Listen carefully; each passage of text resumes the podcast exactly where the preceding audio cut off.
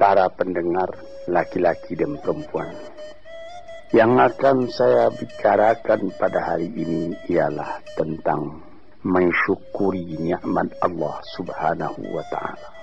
Tuhan bersabda di dalam Al-Qur'an, "La in syakartum la azidannakum wa la in kafartum inna azabi la syadid." Sesungguhnya jika kamu syukuri nikmat yang diberikan Allah kepadamu, niscaya nikmat itu akan ditambah lagi oleh Tuhan. Sebaliknya jika kamu lupakan nikmat itu, tidak kamu pedulikan, maka azab atau siksa Tuhan sangatlah pedihnya. Inilah ayat tentang syukur yang disebutkan oleh Tuhan di dalam Al-Quran. Sebenarnya nikmat yang diberikan Allah kepada manusia itu tidaklah terhitung banyaknya.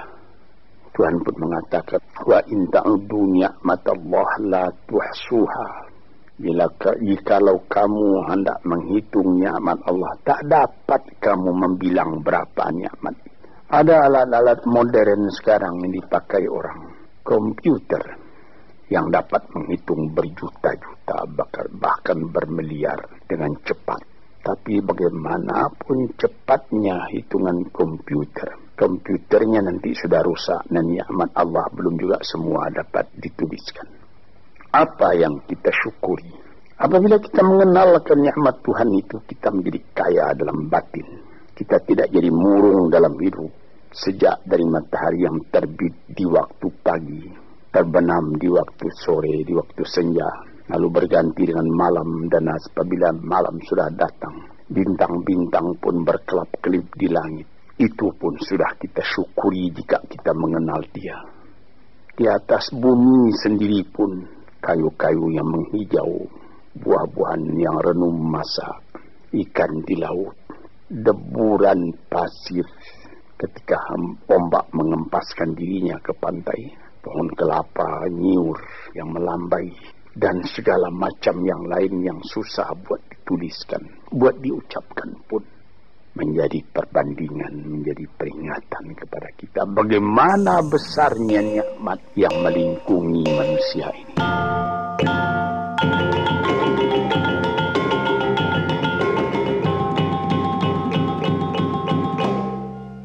Suara ini begitu akrab di telinga keluarga saya. Ceramah yang hampir setiap pagi dan petang terdengar di radio. Jika menikmati tausiah ini, kami sekeluarga biasanya duduk bergerombol di teras. Beberapa kawan dan tetangga kadang juga bergabung. Sosok yang mempunyai suara lembut, mantap, dan bermakna ini namanya Abdul Malik Karim Amrullah atau lebih dikenal dengan julukan Hamka, singkatan namanya. Kita lebih mengenalnya sebagai ulama, padahal Hamka juga seorang sastrawan, ahli filsafat, sejarawan, sosiolog, dan aktivis politik. Tak hanya itu, Hamka adalah salah satu orang Indonesia yang paling banyak menulis dan menerbitkan buku. Jumlahnya hampir 200. Itu sebabnya ia dijuluki sebagai Hamzah Fansuri di era modern. Hamka juga seorang wartawan, penulis, editor, dan penerbit.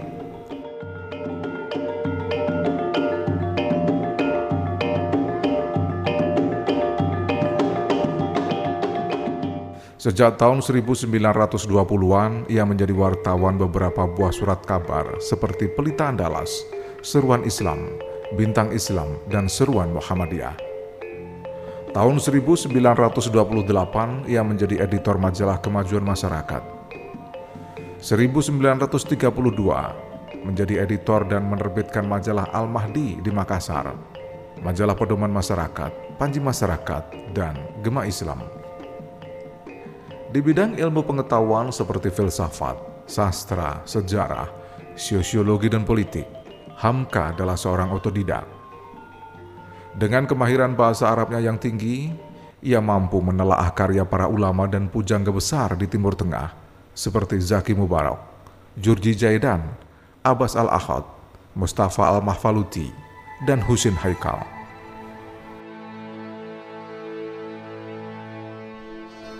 Melalui bahasa Arab pula, ia meneliti karya sarjana sastrawan dunia seperti Albert Camus, William James, Sigmund Freud, Arnold Toynbee, Zong Paul Sartre, Karl Marx, dan Piolotti.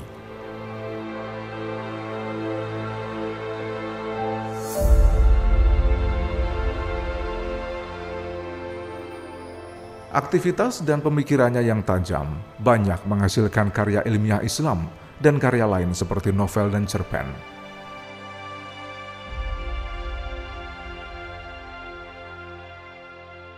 Tahun 1928 misalnya, Hamka menulis buku romanya yang pertama dalam bahasa Minang dengan judul Si Sabariah. Kemudian ia juga menulis buku-buku lain baik yang berbentuk roman, sejarah, biografi, dan autobiografi. Juga sosial, kemasyarakatan, pemikiran, pendidikan, teologi, tasawuf, tafsir, dan tentu juga fikih. Seakan tak pernah ada batas dalam hidup dan pemikiran seorang yang bernama Hamka.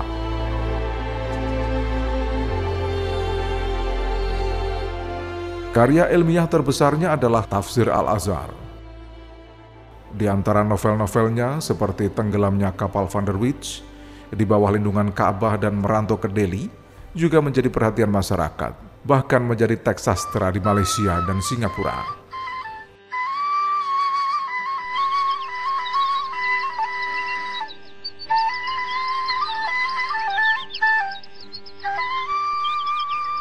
Hamka lahir dari pasangan Haji Abdul Karim bin Amrullah dan Siti Sofiah Tanjung. Ia mendapat pendidikan rendah pada usia tujuh tahun di Sekolah Dasar Maninjau selama dua tahun.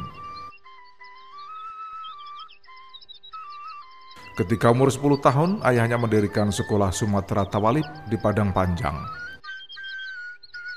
Di sekolah itu Hamka belajar agama dan mendalami bahasa Arab. Di perpustakaan milik salah satu gurunya, Engku Datuk Sinaro, Hamka diizinkan membaca buku-buku agama maupun buku sastra.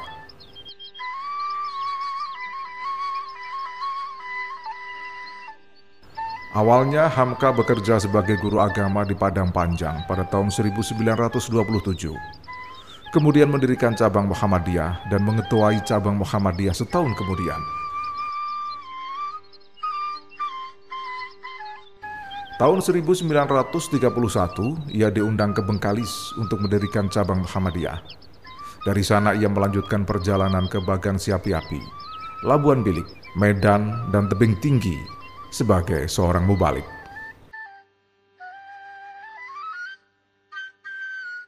Dalam ceramahnya, Hamka dikenal sebagai ulama yang selalu mengolah bahasa dengan sangat baik dan tepat. Kemampuannya memahami Al-Quran, berbagai persoalan di masyarakat, materi dakwah serta gaya bahasanya yang penuh makna, bahkan menjurus ke sastra, menyebabkan ia berbeda dengan para mubalik lainnya. Hanif Rosid, pengelola yang juga penanggung jawab Museum Hamka di Nagari Sungai Batang, Kecamatan Tanjung Raya, Agam, Sumatera Barat, berkisah. Begitu mulai mengucapkan ayat dan hadis, ditafsirkan dan diterjemahkan dengan sastra yang begitu bagus. Dan dia bicara dengan hati, bukan dengan ini. Yang terima juga hati, orang terdiam.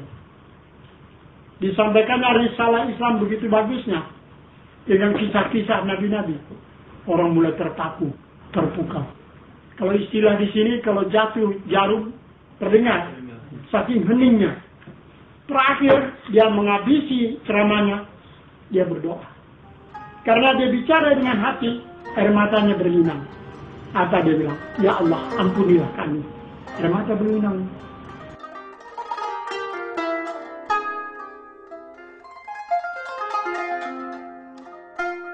Tahun 1932, Hamka pergi ke Makassar. Sambil melaksanakan tugasnya sebagai seorang mubalik, ia memanfaatkan masa baktinya serta mengembangkan lebih jauh minatnya dalam bidang sejarah. Ia mencoba melacak beberapa manuskrip sejarawan muslim lokal. Bahkan ia menjadi peneliti pribumi pertama yang mengungkap secara luas riwayat ulama besar Sulawesi Selatan Syekh Muhammad Yusuf Al-Makassari.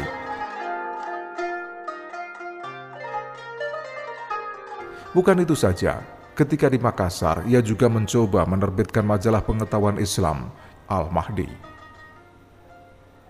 Tahun 1934, Hamka meninggalkan Makassar dan kembali ke Padang Panjang, kemudian ke Medan. Bersama M. Yuna Nasution, ia memimpin majalah mingguan pedoman masyarakat. Melalui rubrik tasawuf modern, tulisannya mengikat hati pembacanya. Pikiran cerdas yang dituangkannya dalam setiap tulisan akhirnya menjadi penghubung dirinya dengan kaum intelektual lainnya seperti Muhammad Natsir, Muhammad Hatta, Agus Salim, dan Muhammad Isa Ansori. Pada pemilu tahun 1955, Hamka terpilih menjadi anggota konstituante mewakili Jawa Tengah tapi pengangkatan itu ditolak karena merasa jabatan itu tidak sesuai baginya. Namun atas desakan kakak iparnya, Ahmad Rashid Sultan Mansur, Hamka diangkat menjadi anggota konstituante. Sikapnya yang konsisten terhadap agama menyebabkannya sering berhadapan dengan berbagai rintangan, terutama kebijakan pemerintah pada waktu itu. Keteguhan sikapnya menyebabkan ia dipenjara dari tahun 1964 sampai 1966. Awalnya ia diasingkan ke Sukabumi, kemudian ke Puncak, Megamendung dan terakhir dirawat di Rumah Sakit Persahabatan Rawamangun sebagai tawanan. Di dalam penjara, ia lalu mulai menulis Tafsir Al-Azhar yang merupakan karya ilmiah terbesarnya.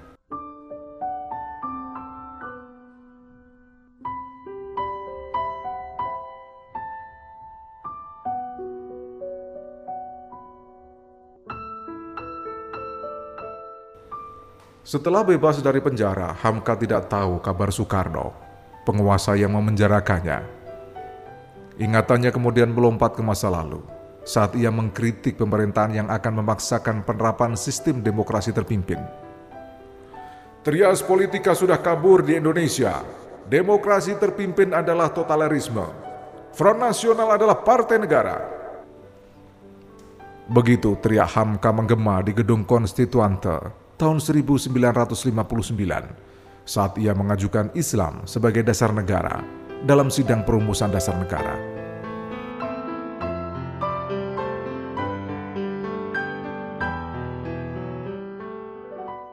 Tak lama, konstituante dibubarkan oleh Presiden Soekarno.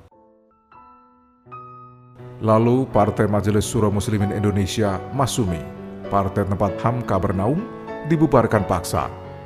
Para pimpinannya ditangkap, lalu dijebloskan ke penjara.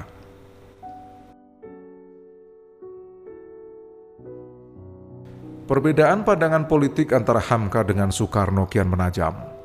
Meski begitu, tak ada sumpah serapah yang keluar dari keduanya. Bahkan setelah bebas, tak ada dendam dalam diri Hamka. Tak ada rasa ingin membalas, menuntut atau melakukan tindakan membela diri. Bahkan pada saat buku-buku karangannya dilarang beredar oleh pemerintah.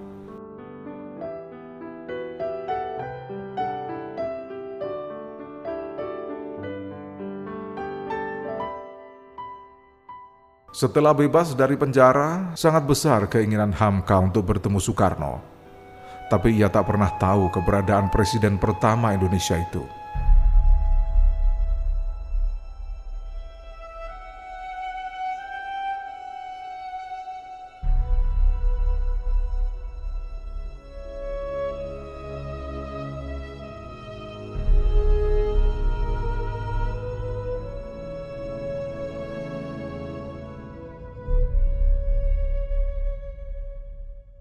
Pertanyaannya terjawab.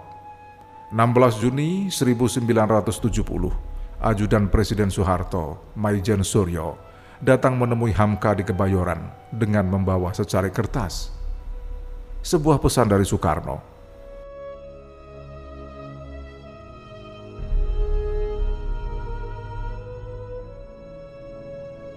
Dipandangnya kertas itu, lalu dibaca. Bila aku mati kelak, Aku minta kesediaan Hamka untuk menjadi imam salat jenazahku.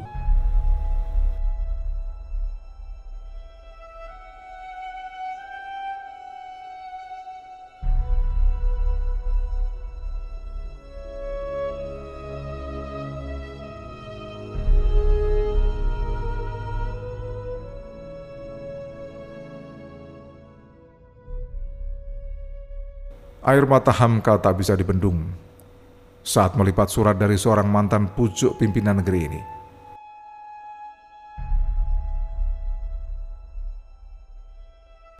Mayor Jenderal Suryo lalu menjelaskan, Soekarno telah wafat di rumah sakit pusat Angkatan Darat dan jenazahnya sudah dibawa ke Wisma Yoso. Tak lama kemudian Hamka bertemu dengan sosok yang dirindukannya, namun jasadnya sudah terbujur kaku.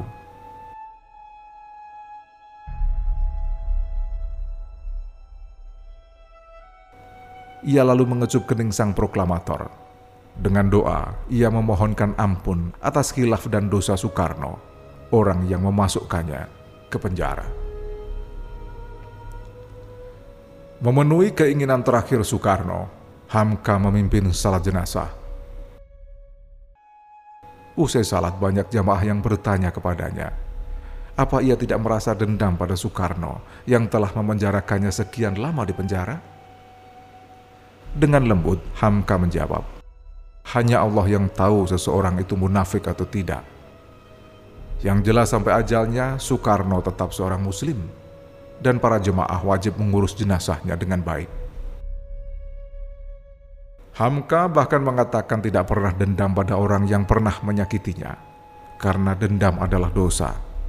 Bahkan selama dua tahun empat bulan di penjara, ia merasa semua itu adalah anugerah dari Allah Subhanahu wa Ta'ala sehingga mampu menyelesaikan tafsir Al-Quran 30 juz. Jika bukan dalam tahanan, tidak mungkin ada waktu baginya untuk mengerjakan dan menyelesaikan pekerjaan itu.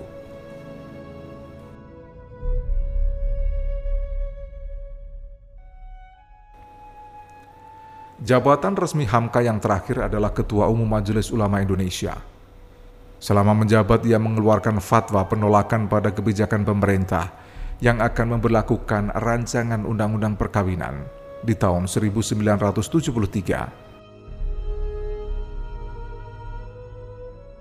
Meski pemerintah mendesaknya untuk menarik kembali fatwa itu dengan diiringi berbagai ancaman, Hamka teguh dengan pendiriannya.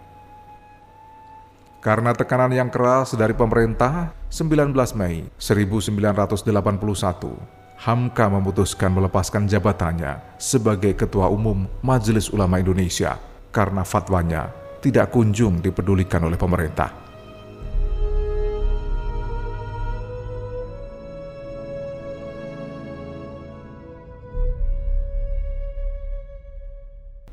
Hamka wafat pada 24 Juli 1981 dalam usia 73 tahun dan dikebumikan di Tanah Kusir, Jakarta Selatan. Jasanya tak hanya diterima sebagai ulama dan sastrawan di negara kelahirannya, Indonesia, tapi juga di belahan dunia lainnya. Ustadz Bakhtiar Nasir mengenangnya. Dari tafsir Al-Azhar yang saya baca, beliau pernah berkata, jika kail cuma sepenggal, jangan laut hendak diduga. Kalau ilmu cuma sedikit, jangan coba-coba merubah aturan Allah Subhanahu wa taala yang kalamnya belum kita fahami. Perkataan itu terinspirasi dari jiwa beliau yang selalu merasa bodoh, merasa kurang, dan merasa haus kepada ilmu. Ketika beliau meninggalkan sekolah dan tidak menyelesaikannya, itu bukanlah bentuk inkonsistensinya tetapi lebih kepada visi beliau yang sangat haus ilmu dan sangat mencintai ilmu dan itu dibuktikan pada kehidupan beliau sebagai seorang pengabdi ilmu. Walau pada akhirnya mendapatkan penghargaan Dr. honoris causa dari Al-Azhar dan mendapatkan doktor honoris causa dari sebuah universitas di Malaysia. Luar biasa prinsip hidup yang beliau jalani sebagai seorang pengabdi ilmu. Apa yang harus kita lakukan sebagai generasi berikutnya adalah jangan pernah berhenti untuk menyelami ilmu-ilmu agama Allah Subhanahu wa taala.